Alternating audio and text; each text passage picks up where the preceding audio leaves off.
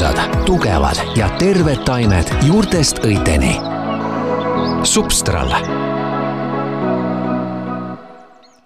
tere, täna on meil saates Substrali aianduskonsultant Eneli Käger, mina olen saatejuht Juuli Nemvalts see ei ole mitte esimest korda, kus Eneli jagab meile väärt nõuandeid, mida aias teha, sest me oleme saatesarjast eh, Kevad sinu kodus, kuigi kevad on läinud märkamatult üle augusti keskpaigaks ja kohe tuleb sügis ja tegelikult me täna räägimegi rohkem sellest, et mis on tööd, mis ootavad veel aias ärategemist ennem suure lume saabumist. tere, Eneli!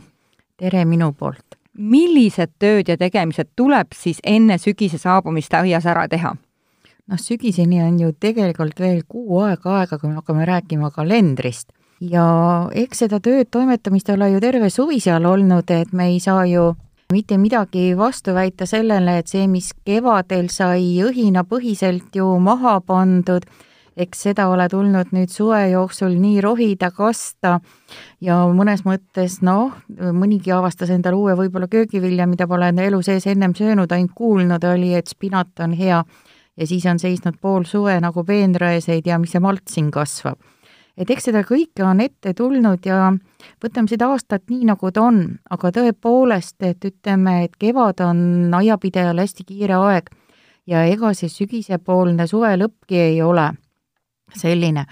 eks meid kõike ju noh, tühjad kohad juba heidutavad aias, mis on tekkinud, sest mõnel aias on jäänud taimed kastmata ja ega aed ei salli ju tühja kohta, hea vana aednik lööb ju kahte kätt kokku, kui mingi taim välja läheb, oo, ma saan jälle istutada.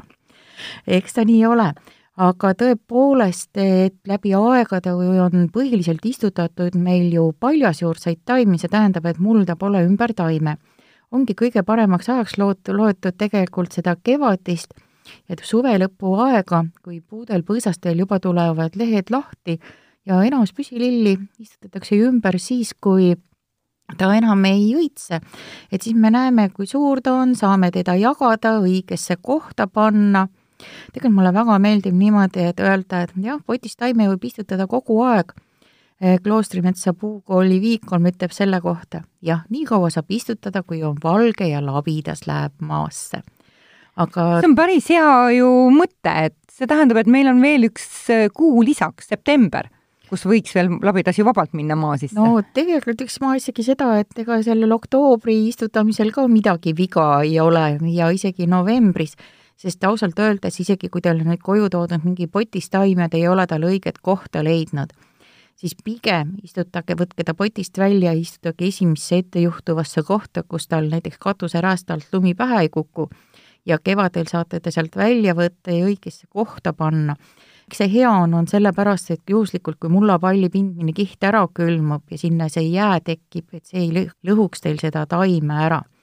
aga jah, istutamise kohta see käiks ju ka rooside kohta, näiteks praegult ma näen, et nii palju on neid soodushinnaga või natuke alandatud hinnaga roose, minule väga nad meeldivad, aga praegult veel ei ole kuhugile neid põhikohta ära panna. kuidas ma need talvituma panen? ongi nii, et toote koju üks asi on, et võib istutada ta suuremasse potti ja panna, nagu öeldakse, peaaegu külmavabasse ruumi. ütlen ausalt, et sellised mängimised on liiga töömahukad. kõige lihtsam on tõepoolest kaevake aeda üks paras auk ja istutage kas või noh, toote kaks roosi koju, toote kolm roosi koju, isegi kui nad on erinevast sordist. pange nad niisugusesse ühte auku rahulikult maha, oluline on see, et nii palju vähemasti vahet jääks, et taimeoksad omavahel kokku ei puutu ja järgmine kevad, kui olete välja mõelnud, kuhu panna, saate ära istutada ja kui ei ole suutnud veel välja mõelda, no siis saab tegelikult taimi istutada või nõnda nimetatud ümber istutada potis olevaid taimi täiesti rahulikult veel kaks talve pärast seda, kui te olete nad koju toonud, et juur ei ole kuigi kaugele jõudnud miks ei tohi roosi erinevad siis sordid kokku puutuda või need äh, oksad? seal ei olegi oluline, et sordid, roosid on ju okkalised ja kui üks okas torgib teist vart, siis sinna tekib auk ja august läheb sisse vesi ja hakkavad tulema igasugused tüvepõletikud, et see on nagu üks põhjus, miks tuleb ka roosid vastu talve ilusasti nõrgad võrsed seest ära lõigata ja vaadata, et nad niimoodi väga ei rabistaks ja täis ei oleks. kõik selleks, et meil oleks vähem kahjustunud taimi.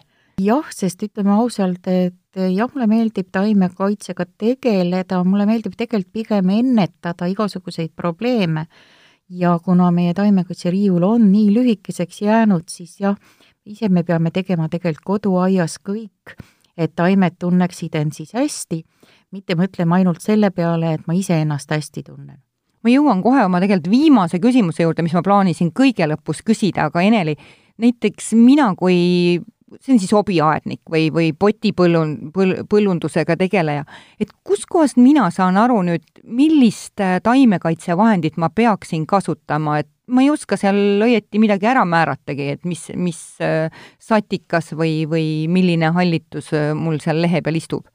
tegelikult ongi hästi keeruline teha vahet, kas on nüüd haigus, päris haigus, nõndanimetatud, kõlavad roosteid, jahukasted või on mingi putukakahjustus, kes on lihtsalt käinud natukene sealt lehemahla imenud, ära lennanud, eh, närinud kusagile mingid augud, maa sisse talvituma läinud või on lihtsalt lehekude mingi haiguse tõttu välja kukkunud. ma arvan seda, et meil on tegelikult olemas päris palju asist taimekaitsekirjandust.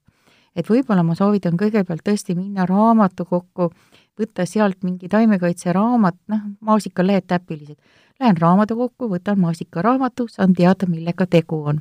tomatilehed allitavad, lähen raamatukokku, võtan tomatiraamatu ja saan teada, millega tegu on. tänapäeval vist saab edukalt guugeldada, mul on selline tunne. tänapäeval saab päris edukalt ka guugeldada, toksides sisse siis näiteks meil Eesti lehtede pealt on Põllumajandusameti pikk.ee pealt võib otsida äh, ja siis edasi kontrollida sealt, et noh, loete, et noh, toomatiruuge, hallitust toksite sisse, vajutate pildid ja tulebki välja.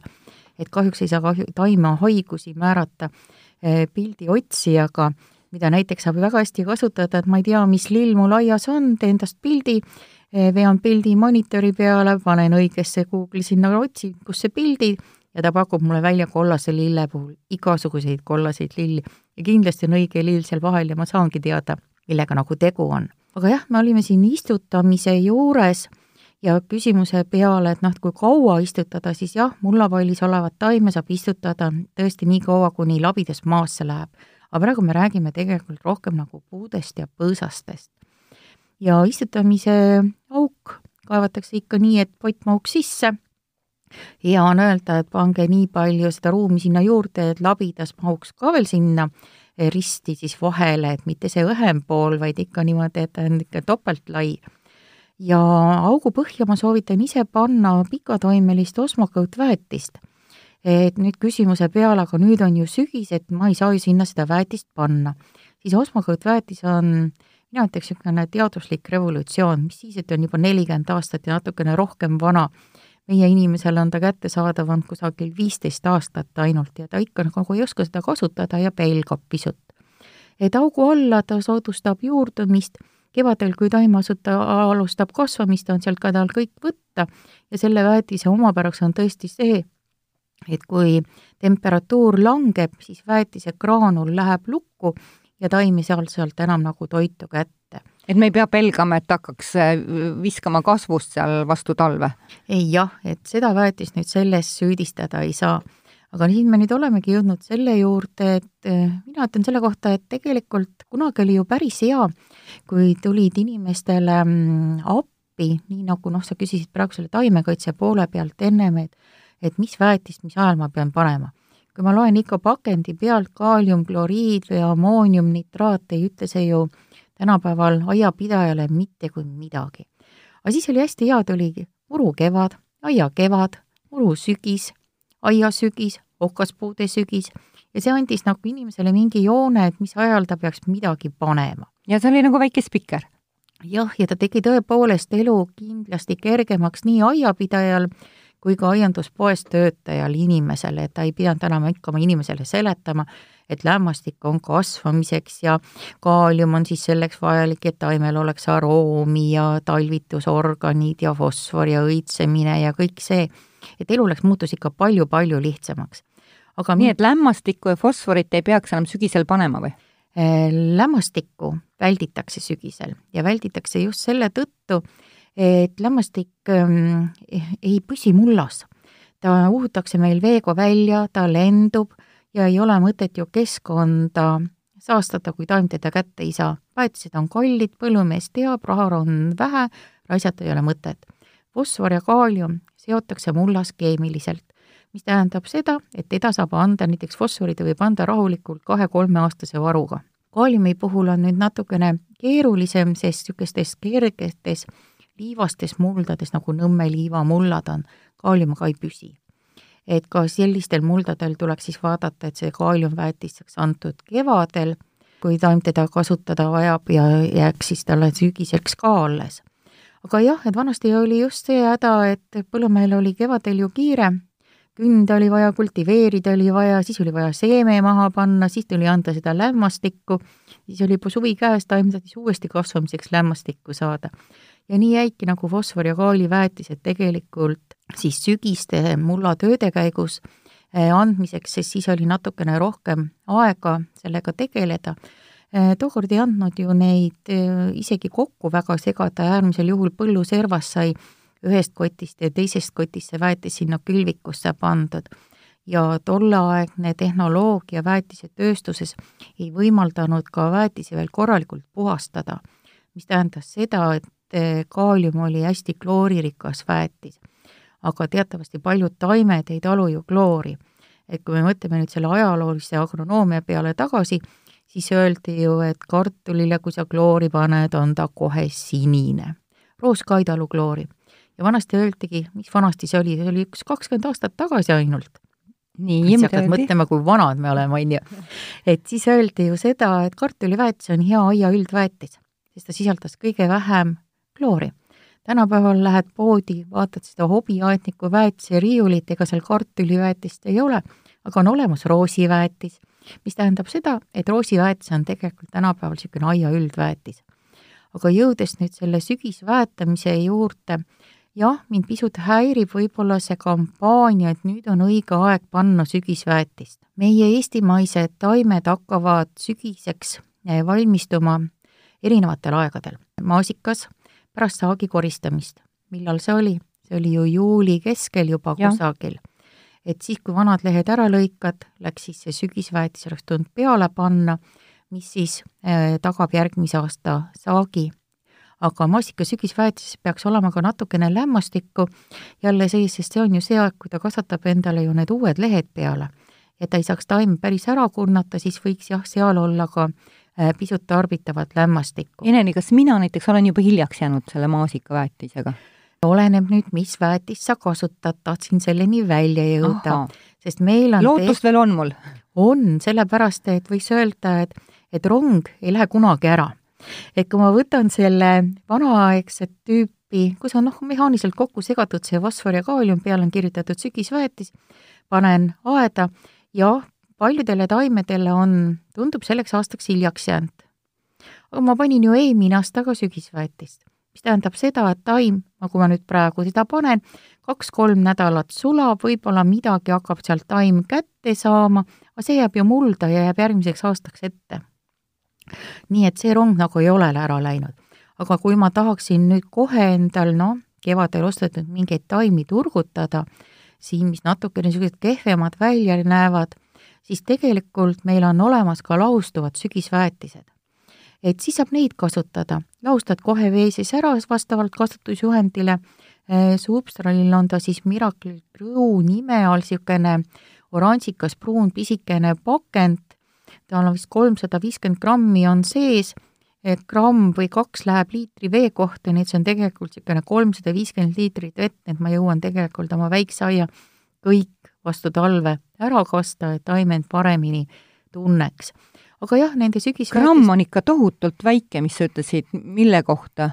liitri vee kohta mm. -hmm. teelusikas viis grammi, kaks teelusikatäit järelikult kümneliitrise kastekannu peale. et siin peab olema ikkagi väga täpne nende kogustega, et ma nagu üle ei dos-, doseeriks? jah, väetamise puhul on ikkagi see, et et pigem vähem kui rohkem aga substraaliväetiste puhul on antud see ikkagi minimaalne optimaalne kogus, mis tähendab seda, et eh, kui sa vastavalt kasutusjuhendile kasutad, saab taim tegelikult kõik kätte ja kui läheb pisut rohkem, ei juhtu ka mitte midagi, et ta on noh, nii piisavalt tasakaalus ja on arvestatud ikkagi sellega, noh, võib ju käsi natukene ka vääratada. aga jah, graanulväetiste puhul ei maksa nüüd seda nüüd arvestada, et ma lähen nüüd koju ja hakkan teda lahustama ja siis hakkan sellega kastma, sest tõepoolest, kui ma mõtlen, kas ma ostan kolmsada viiskümmend grammi Substrali sügisväetist või ma võtan selle kolmekilose aia sügisväetise, noh, hind ei ole tegelikult päris võrdne, natukene tuleb Substrali oma odavam, aga noh, võtad suur pakk, saab palju rohkem. segad ämbris ära, jääb niisugune hallikas kiht sinna põhja ja vot nüüd on niisugune häda, et seda sa enam nüüd ei saa nagu aias väga kasutada, sellepärast et vot nüüd võib juhtuda see üleväetamise oht, et sa ei tea, kuhu midagi läheb ja mis on juba jõudnud lahustada. nii et jah, et kindlasti saab seda vaadata ja sügisväetamise puhul meie inimene on täiesti ära unustanud niisuguse võluvahendi nagu kompost. ohoo, nii. et see on ju see, mis ta tuleks ju nüüd, kui me hakkame oma aedvilju seal kokku korjama ja meil jääb ju nii palju seda taimset materjali alles, kohe tulevad peale puu otsast, hakkavad ju lehed tulema. kui nad on terved, siis tuleks nad ju ära kompostida. ja tänapäeval on võimalik kasutada ju kiirkompostimist. et sa võid küsida, et mis see on. meil on ju need muruniidukid, lased need lehed üle, peenestab ära ja lagunemisprotsess on pihta hakanud. ja kui nüüd virnastada näiteks needsamad väga paksu kihti ei maksa näiteks endale aiamaa peale panna, aga niisugune viis sentimeetrit, seitse sentimeetrit. ikka nii palju juba? võid seda purustatud lehte sinna peale panna ja kergelt sisse segada. ja kevadeks ei ole seal enam mitte midagi, mida eh, oleks vaja ära riiseda, kui ma panen nüüd terved lehed sinna peale, siis nad nagu kleepuvad üksteise külge kinni ja kevadel tuleb sealt nagu niisugune paras nahk pealt ära võtta ja edasi panna komposti hunnikusse. aga niisuguste noh, öeldakse, et kahjustunud lehti ju ei tohi panna. ma tahtsingi just küsida, et äh, tavaliselt ju aednikule on kirjutatud äh, tarkades raamatutes, et kõik vigastatud või, või plekilised lehed sa pead kohe ära põletama, väga palju tuleb sellist nagu põletusasja. mis no, tegelikult oleks hea teha? põletamine ongi utiliseerimine, mida meil on võimalik teha, aga elades nüüd linnatingimustes, ma kahtlustan, et, et väga vähesed saavad meist teha ju seda lõket et mida siis nüüd teha, noh, tänapäeval töötavad ju need toredad jäätmejaamad, kes võtavad vastu neid eh, rikutud siis lehti ja oksi ja lilleõisi, et kas siis sinna viia, kui need kogused on väiksemad ja väga palju ei ole seal sees seda haigestunud materjali, siis tegelikult võiks võtta ühe suurema vettpidava nõu, eh, valada, tähendab see kompostimismaterjal sinna sisse valada vesi peale. praegu on juba noh, niisugune august on niisugune mädakuu, tegelikult nad läheb, päris hästi läheb käärima mm. -hmm. ja vot selle käärinud materjali, kui ma nüüd tõstan komposti hunnikusse, siis on tegelikult need haigused ja kahjurid seal sees hävinud tõesti, jah? et, et Aha. võib lasta kasutada lihtsalt seda meetodit. et kui ta siis see, ütleme niimoodi, et äh, ma näen, et mul on seal maasikates näiteks need vanad natukene, kas on läinud hallitama marjad, lõikan need ära, tavaliselt ma pidin need ära põletama aga siis ma panen ta, lihtsalt lasen käärima, siis ta on kadunud nagu see? jah, korjad ämbrisse ja sinna võiks valada siis niisuguse seitsmekümne, kaheksakümne kraadise vee peale ja lasta tal käärima minna ja kui ta ikka väga-väga hästi minna ei taha, siis poes on pärm ka olemas et ka seda võib kasutada. et pärmiseen on õige siis lagunemine sinna juurde, aga kompostihunnikus ja komposti kiirendamiseks on ju läbi aegade kasutatud lämmastikuväetist et nii oli ka ju vanade õunapuude alused ja võrad soovitati ju sügisel karbamiidi lahusega üle pritsida. karbamiid on üks lämmastikurikas väetis, mis lahustub päris kergesti vee sees. Eh, lämmastik kiirendab siis lagunemise protsessi ja minu meelest on isegi karbamiidi paki peale kirjutatud ilusasti selges kirjas seitsesada, kaheksasada grammi, lahustada kümnes vees ja pritsida korralikult ära puuvõrad ja puualus et siis on need eh, haigustunnustega lehed lagunevad kiiremini ja ka päris paljud seeneosed siis hävivad selle käigus. ja samuti noh, kui seal puu otsas on mõned lehetäid endale munenud siis talveks ja kevadeks valmis need munad, et kas saab siis hukka eh, selles, et noh, et selle küsimuse peale, et kas on olemas universaalsed vahendid, jah, on küll, ongi niisugused asjad, mis ei ole ametlikult taimekaitsevahendid, aga mida on läbi aegade kasutatud. et siin ma nimetasin praegu, on ju, seda karbamiidlämmastikku, aga teine selline on raudsulfaat.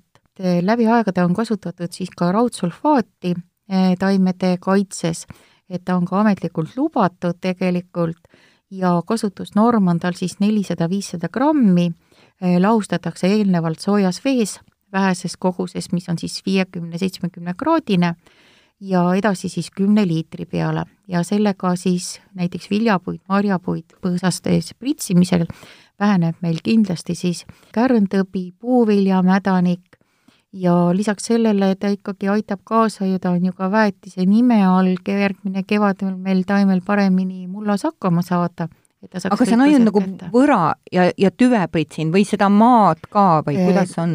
Nende vahenditega, nii nagu selle äh, karbamiidiga, raudsulfaadiga, kõikidega, nendega pritsitakse nii, et puu tilgub ja ka maapind saab äh, kokku. raudsulfaadi puhul on nüüd üks asi, tegu on rauaühendiga ja nagu teada, jätab ta siis niisuguse oranžika pleki et ettevaatlik tuleb olla siis mitte pigem sellega, et enda peale sisse hingad, vaid et sa oma riideid ära ei riku või oma kõnnitee plaate, mis on võib-olla selle puu all ja ilusad heledad.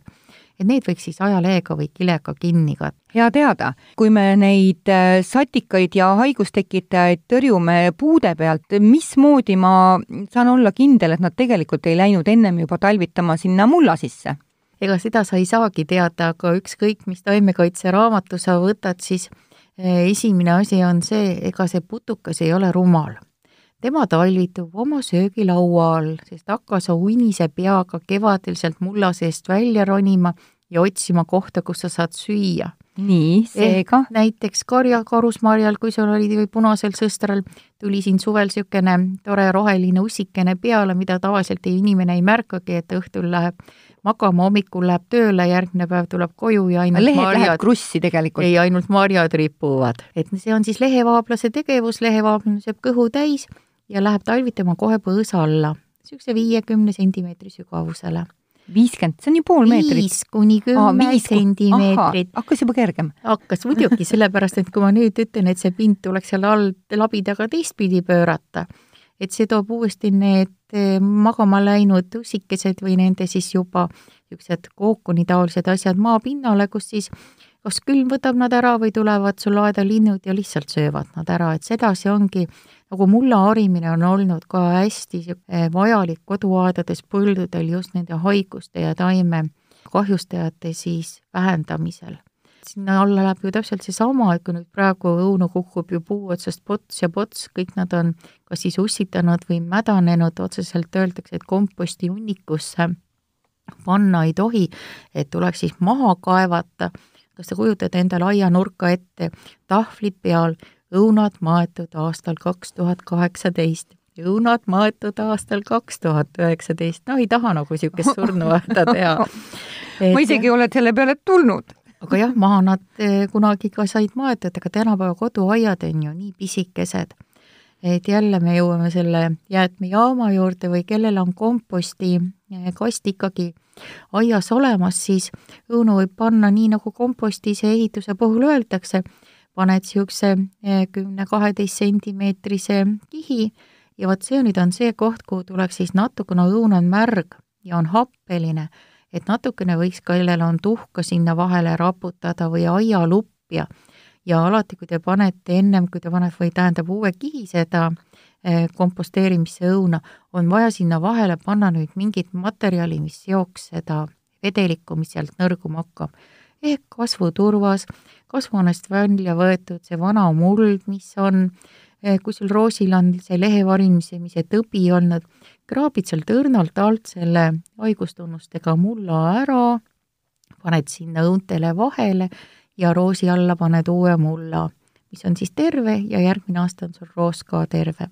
et jah, natukene niisugune loovam võiks olla ja mitte nii kinni selles, et oh, mida ma nüüd pean tegema, appi, ma ei tea, ma panen nüüd Facebooki ülesse, saan seitsekümmend vastust ja mitte ükski ei vaata, mis siin ette on küsitud, et jah, et natukene peab nagu ka selle ütleme, internetimaailmas ka ettevaatlikum olema ma tean, et äh, osad aiapidajad on hirmus ärevil uue ohtliku taimekahjuri üle ja, ja pelgavad, et kuidas selle teo nimi oli? ta on Lusitaania teetigu Lusi... või Hispaania, see on sünonüümina Lusitaania, Hispaania. kahtlustatakse, et need munad võivad olla nagu igal pool ja millega aetakse segamini, Eneli? No me jõuame jälle selle toreda osmokõutväetise juurde. Eh, kuida-, et noh, mulla võtad jälle taime, võtad kodus välja ja vaatad, ahah, niisugune kogum on sees, siis osmakõutväetise terad ei ole mitte kunagi ühesuguse filigraanse suurusega, kahjuks ei ole ka nad ühte värvi. Lusitaania ja teiste teomunad on kõik filigraanselt ühe suurusega ja ühte värvi meie enda kohalikud teod ja nälkijad eh, on kokkuhoidlikud, nemad munevad oma munad üksikult noh, väikeste kogumitega. Lusitaania teetigu, suur, tugev, tema paneb ikka kohe päris suure portsu neid Kobara. kobaras maha. kuhu ta muneb? Eh, talle väga meeldib muneda koduaeda, nüüd jälle me jõuame kompostkasti juurde, et kompostkast tuleb sügisel kindlasti ümber kaevata, et märgata, kas sinna on nüüd sisse eh, munetud või mitte või teha siis endale uus kompostkast juba nii, et ta on altplekiga kaetud, millel on siis serv üles, et see Lusitaania teetigu sinna sisse ei saaks pugeda. aga nende tigudega on nüüd see häda, et jälle me jõuame selle eesti keele juurde, ma olen täna vastu nii palju pidanud, ei, ei, see ei ole tigu, sellel ei ole seda koda. Et meil on teod kahte moodi, ühed on majaga, teised on ilma koduta.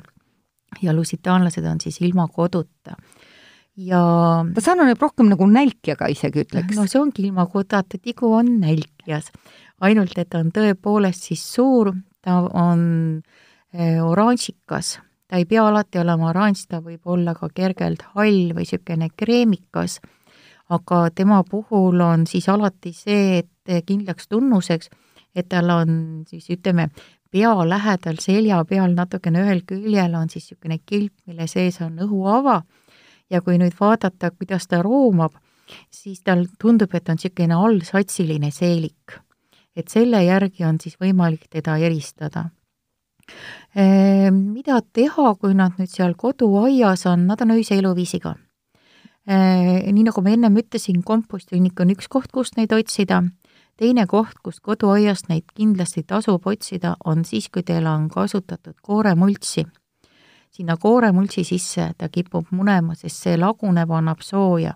ja eriti hästi tunneb ta end veel sel juhul, kui sinna kooremultsi ja mulla vahele on pandud see multsikongas. Et sellest oskab ta igast kohast läbi pugeda, serva alla pugeda ja tõepoolest kohe naudib seda elu siis selles all. mida teha, kui nüüd need tõesti on aed tulnud, ma soovitan iga õhtu ja varahommiku käia aed läbi ja nad kokku korjata.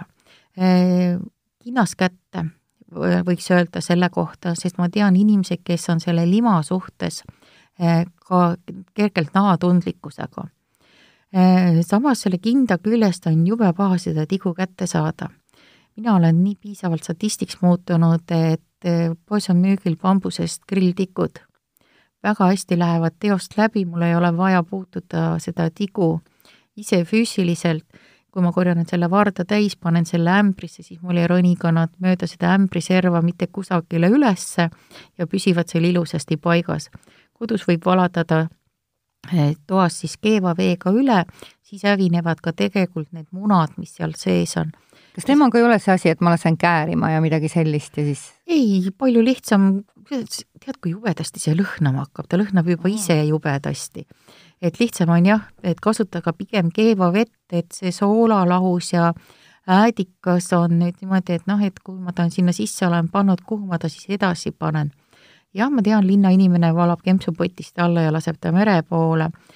koduaias niisugust materjali tegelikult kompostikasti mõtet panna ei ole. kui ta on nüüd jälle selle bambustiku sees ja üle valatud, siis ma jälle võin ta sinna panna, siis on ta ohutu ja ta ei riku mul seda komposti ära, vaid on siis sealjuures orgaaniliseks väetiseks. palju üldse võib olla orgaanilist väetist selle komposti hunniku sees, mina arvasin, et kõik peab olema ju taimne vaat seda me jõuame selle juurde, et orgaanika on nii taimne kui ka ja. loomne, et, et seal ei ole nüüd seda vahet tehtud, et üks või teine, aga jah, seda saab siis edasi vaadata, see, et on taimne, noh, meil on ka orgaanilised väetised. ma mõtlesin nagu seda, et kui ta on nagu loomne, siis ta võib-olla on seal rasvasisaldust, mis nagu taimes niimoodi, no muidugi õlirikkad, ma ei tea, päevalillejäägid päevalillejääk on hoopis kaaliumirikas väetis ja üks kõige kaaliumirikkamaid looduslikke väetisi.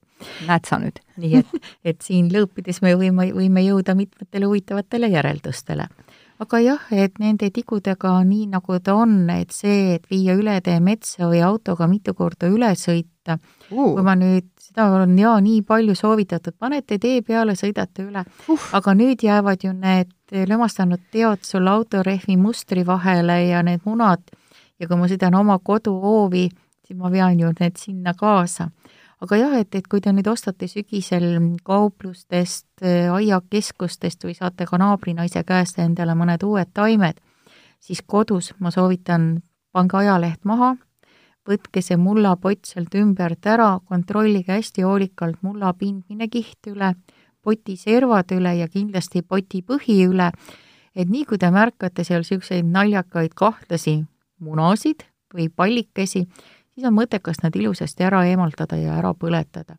et seal ei ole nüüd enam vahet, et isegi kui see oli see osmakõõt väetis, siis on ta tegelikult oma töö ära teinud, et et selle kohta ma ütlen tõesti, et pigem karta kui kahetseda.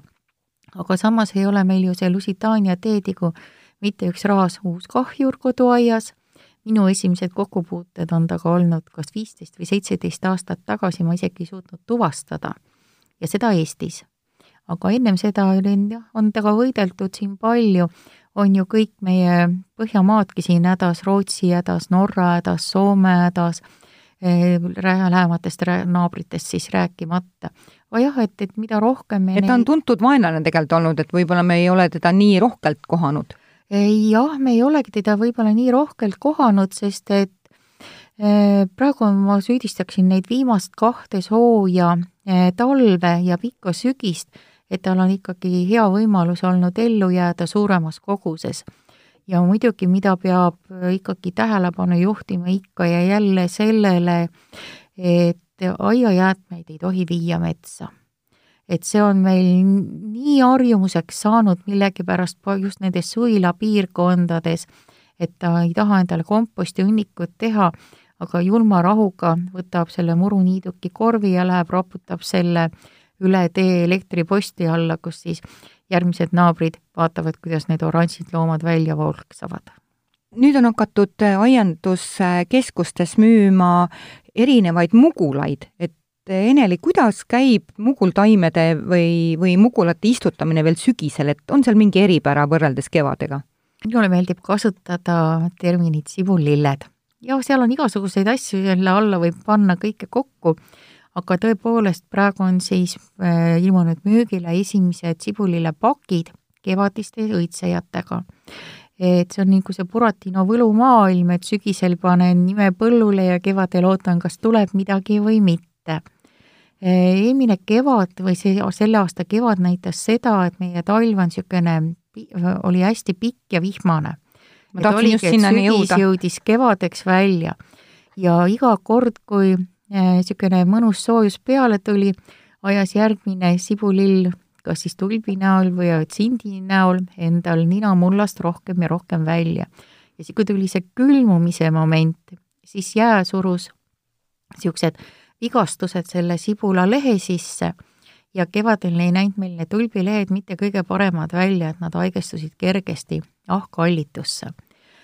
Mida nüüd tänavu aasta teha, et mul see haigus siis edasi ei kanduks või eh, kui ma nüüd ostan poest sibulad, siis eh, praegu neid igatahes jube vara maha panna. ma soovitan võtta nad kindlasti sellest kilepakendist välja, väga head on niisugused sibulavõrgud või vanad katkised põlvikud, püksid, selle sisse saab panna ka selle värvilise sildi, et sa tead täpselt, mis sibulad sul selle sees on ja kindlasti riputada üles kusagile õhurikkasse ruumi, noh kuur on tavaliselt selline. ja miks ülesse, et hiired ei saaks neid ennem ära viia ja maha panna, kui meie seda teha tahame. Eh, millal on õige aeg sibulaid maha panna või siis ütleme, noh, nartsiss läheks kohe maha, liilja läheb kohe maha, tulp peaks nüüd kannatama täpselt niimoodi, et muld oleks maha jahtunud niisugune kümne kraadi peale, siis ta ei jõua hakata rohkem ülespoole kasvama, ta jõuab ilusasti juurduda, juured alla võtta, aga mis ajal umbes on see, kui maapind on kümme kraadi, et ma tean, et maapind annab ju väga kaua seda soojust ise välja? meie tingimustes on ta ikkagi jäänud sinna septembri lõppu, lausa oktoobri algusesse. et ja kuna need viimased lumed ja lumeta talved meil ikkagi jätkuvad, siis kindlasti äh, jälgida, kuhu te panete sibulad maha, et selle koha peale vesi ei koguneks. et ma katan nad siis kinni? ei, no sa paned nad õigesse sügavusse. nii, õige sügavus on? Äh, kolm sibula sügavust mm. -hmm. saba alla ma soovitan panna nüüd jälle seda osmakõõtväetist, et siis ta saab ilusasti juurduda ja kevadel hakata õigel ajal kasvama. Äh, muld läheb peale aga nüüd on jälgida see, et see ei oleks mingi lohk, kuhu siis see vesi hakkab kogunema. paremad on, kuna tulp on ikkagi niisugune kõrgmäestiku ja äh, kõrbetaim, et jälgida, et oleksid kallakud. et see on üks asi.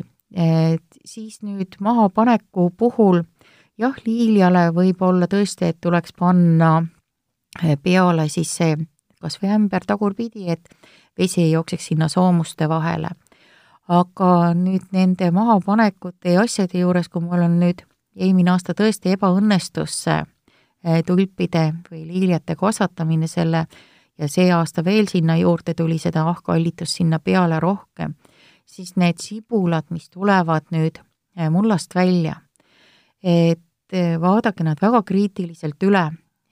kui seal oli nüüd tõesti haigestunud kohti ja neid, siis need sibulad on pisikesed ja ahkallituse puhul on kurb see, et haigus, eosed ja tekitaja jääb sinna mulda viieks aastaks. mis tähendab seda, et kui ma panen nüüd see kümme sibulat maha, ma pean sinna vähemasti ämbri jagu panema uut mulda, vana muld välja, uus muld asemele. et või ma mõtlen, et ongi võib-olla kõige parem panna tulbid tänapäeval maha nende ehitusämbritega, nad on musta värvi, nad ei paista mulle seal mulla pealt välja, ma saan panna tulbisibula õigesse sügavusse, aga nii nagu kõikide pottide puhul ei tohi me unustada siis ära, et sellele ämbrile tuleb augud sisse teha. ja mitte ainult siis põhja, vaid ka soovitav on teha selle koha peale enam sellesse kõrgusesse, kus sa oma tulbisibulat paned, ka niisugused parajad augukesed külje peale. mis see paras auk on? noh, niisugune sentimeeter, võib-olla poolteist, aga kindlasti mitte rohkem, sest siis hakkavad sealt ründama meid mügrid ja hiirekesed, kes arvavad, et nende jaoks on need sibulad maha pandud. et jah, et, et proovige võimalikult ohutult need maha panna see ämbri mõte või ehitustarvete poest ostetud anuma mõte on tegelikult väga hea. ma olen kuulnud, et osad inimesed panevad endal sinna sisse kasvuhoones kurke. kui nad selle välja viivad, selle mulla, et siis ei jää need haiguse tekitajad, mida kurgil pidi vist päris kiiresti sinna tekkima, et paar aastat ei saagi pidada kauem muld vastu eks seesama kasvuhoone puhtus on ju ka üks taimekasvatuse eeliseks, et vanasti oli, me olime harjunud, et oli ju jalgrada vahel, vahel ja kahel pool oli sul mullapeenar, siis tänapäeval tõesti hästi palju kasvatatakse kasvuhoones, tomat, kurk, paprika, kõik on pandud siis kas pottidesse või kottidesse. ja kasvuhoone puhtuse kohta tõesti, et ma saan viia selle mulla välja, jälle samamoodi, kui on nüüd mingi haigestunud nüüd sinna peale, ma saan selle poti pealt ilusasti, ma lõikan selle kurgi või tomati juba kasvuhoones ära, ma panen selle kurgi ja tomati juba kasvuhoones prügikotti, ma ei tule taga lahtiselt aeda. E, ja see kott läheb siis hävitamisele koos selle kurgi tomati taimega. ja mulla pealmise pinna jälle samamoodi võib valada lihtsalt kuuma veega üle ja seda mulda saab kasutada siis kompostikastis vaematerjalina või panna siis hekkide alla, mitte kindlasti sama eh, taime või perekonnaliikme alla. kasvuhoones, mis me tihti teeme, me jätame rippuma need vanad nöörid, et need ka siis ikkagi kindlasti sügisel kokku korjata. oh heldus, ma poleks selle peale tulnud. et täpselt samamoodi, et, et jah, et kurki kipub ju kuuma ajaga kasvuhoone kedriklest kimbutama ja eks need nöörid ole head koha, kus siis üle talve elada. samamoodi ju katteloorid, mida te olete suve jooksul kasutanud et ennem seda, kui te panete nad hoiukohta ära, eh, peske nad korralikult läbi, et ise ma olen kasutanud ja soovitan kasutada, need kõik pesuvahendid, mis sisaldavad pesuvalgendit, et kas või seesama, mida te kasutate igapäevase valge pesu pesemisel, loputage sealt läbi, puhtast veest läbi, kuivama ja saate järgmine aasta ohutult kasutada. hea teada. millest me ei ole veel täna, Eneli, rääkinud, on murust, et muru sees on alati või kipub sageli tulema sammal ja see on üks pikk ja, ja nagu lõputu võitlus või kas ta peaks olema võitlus? tegelikult on niimoodi, et see oleneb väga kohast, mõnes mõttes ei tohi ju lasta sellel samblal päris üle pea kasvada, eriti kui mul on aias koer või väiksed lapsed siis nad ju jooksevad nii kiiresti, et see sammal tuleb tortidena ju välja ja jätab niisugused inetud augud. Samas noh, samplaed on ju imeline, aga kui ma ikkagi tahan endale saada mingit nõndanimetatud klassikalist inglise muru, siis hakkab see sammal ikka tõesti närvidele käima. ja kust hakkab närvidele käima eelkõige siis varjulistes kohtades või väga märgades kohtades või toitainete vaesetes kohtades. tänapäeva inimene ikkagi muru juba väetab ja jõudes nüüd selle juurde, et sügis on käes, siis võiks muidugi kasutada ka äh, murupuha puhul ikkagi seda muru sügisväetist, sest me jõuame jälle selle juurde, et seal on sees fosfor vanasti, kui ma veel koolis käisin, siis näiteks Jäneda pargis me kasutasime sammaldunud kohtade peale, panime just fosforväetist, et seda sammalt tagasi hoida. Aga kuna tänapäeval kasutatakse neid niidukeid, mis jätavad selle muruniidese maha, siis sügise poole ikkagi tekib sinna niisugune vatitaoline kiht alla, eh, mis ei lase siis õhku läbi, ei lase vett läbi ja sammal hakkab vohama. et kindlasti ikkagi sügisel võiks selle muru ühe või kaks korda siis eh, tugevasti läbi rehitseda ja kuna meil see muru on sinna kogu suve andnud niisugust natukene happelist ehm, siis väetist enda lagunemisega, siis sügis on niisugune aeg, kus võiks kasutada eh, kas siis aialupja, et seda pinda neutraliseerida ja sellest eh, samuti siis väheneb see samblaulk seal sees, või tõesti väga niisugustes sammaldunud kohtades äkki alused seal elupuiki tagune kindlasti et kasutadagi kohe samblatõrjega muruväetist nende kohtade peal veel lisaks. Eneli, meil hakkab saateaeg äh, siin ühele poole saama, et mis on veel mõni mõte, mida oleks hea kuulajatele üle öelda? No kui väetistest rääkida, siis ikkagi see, et väetada tuleb tänapäeval peaga, mitte bioga, et see on võib-olla niisugune kõige tähtsam. Ja nii, nagu me hoiame iseenda tervist, tuleks hoida ka aia tervist ehk hästi täpselt mõelda, mida me seal teeme, mis on mingi tegevuse eesmärk, et ma ei liiguks ühe sama aiakääri paariga, kui ma märkan, et näiteks mu bioengi lehtedel on niisugused kollased ringid peal või mingi muu haigus, et kõik bioengid sellega siis läbi käin, et alustan ikkagi tagasilõikamist nendest, mis ma näen, et taimelehed on terved viimasena võtan siis ette selle taime, mis on haigestunud ja pärast seda teen käärid puhtaks. tegelikult võiks niisugune ajaleht ja desosprei olla aiatöödel alati kaasas. Ja noh, arvestades, et siin on nüüd niisugune sügisene aeg, kui hakkavad tulema öökülmad ja teil on kastmisvoolikud ja süsteemid maas, siis mõelge selle peale, et et mida teeb külm veega et vaadake, et teil siis vähemasti nendel päevadel, mis hoiatatakse, need kastmissüsteemid oleks veest tühjad. Nende heade mõtetega me tänaseks lõpetame ja stuudios oli Substrali aianduskonsultant Ene-Li Käger. mina olen saatejuht Juuli Nemvalts, kuulasite saadet Kevad sinu kodus